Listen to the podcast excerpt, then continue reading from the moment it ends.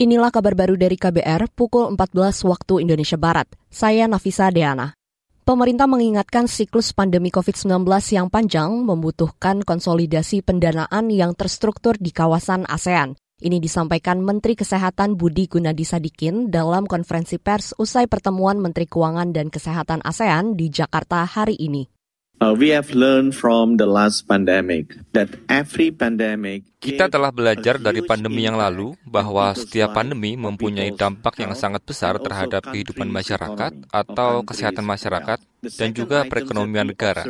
Hal kedua yang kita amati dalam setiap pandemi adalah bahwa pandemi mempunyai siklus yang sangat panjang, terkadang bisa lebih dari 50 tahun bahkan ratusan tahun. Menteri Kesehatan Budi Gunadi Sadikin mengatakan pertemuan itu menyepakati pembentukan dan konsolidasi pendanaan di sektor kesehatan ASEAN. Modal pendanaan itu bisa berasal dari sektor publik, swasta, hingga sumbangan. Dengan adanya konsolidasi pendanaan tersebut, Budi berharap negara-negara di ASEAN bisa mempersiapkan diri jika menghadapi kemungkinan pandemi di masa mendatang.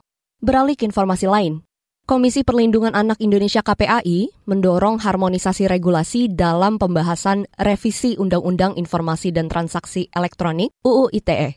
Ketua KPAI Ai Mariati Solihah mengatakan undang-undang tersebut belum sepenuhnya memberikan pelindungan terhadap anak-anak Indonesia. Itu disampaikan Mariati saat rapat dengar pendapat di DPR kemarin.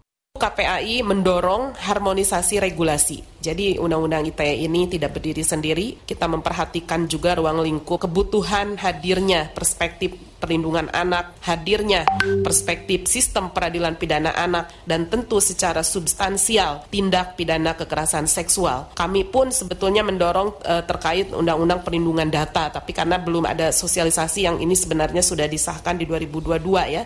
Ketua KPAI Ai Mariati Solihah mengatakan, Undang-Undang ITE belum sepenuhnya melindungi anak dari ancaman perundungan, eksploitasi, dan pelecehan seksual.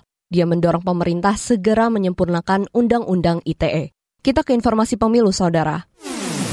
Kabar pemilu. Kabar pemilu.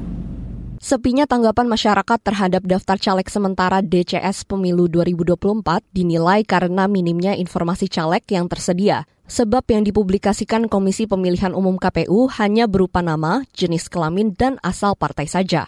Ketua Bawaslu Banyuwangi Andreanus Yansen mengatakan keterbatasan akses informasi DCS tidak hanya dirasakan masyarakat saja, melainkan juga Bawaslu. Setelah kita melakukan uji fakta, ternyata masyarakat membutuhkan informasi soal kemudian masyarakat menanggapi atau tidak itu soal lain. Hmm. yang penting masyarakat mengetahui dulu. Tapi yang penting ke urusan kelembagaan bagi kita adalah yang wajib dimiliki oleh lembaga pengawas pemilu itu seperti Bawaslu juga itu apa kira-kira? Ya kita bukan aksesil kita jangan jangan jadikan sebagai orang luar yang hanya dapat melihat. Ketua Bawaslu Banyuwangi Andreanus Yansen Pale menambahkan, sepinya tanggapan terhadap DCS ditengarai karena masyarakat enggan memberikan masukan. Untuk itu, dia mendorong KPU lebih terbuka terhadap akses informasi tentang DCS. Pengumuman DCS berlangsung sejak Sabtu hingga Rabu kemarin. Demikian kabar baru dari KBR, saya Nafisa Deana.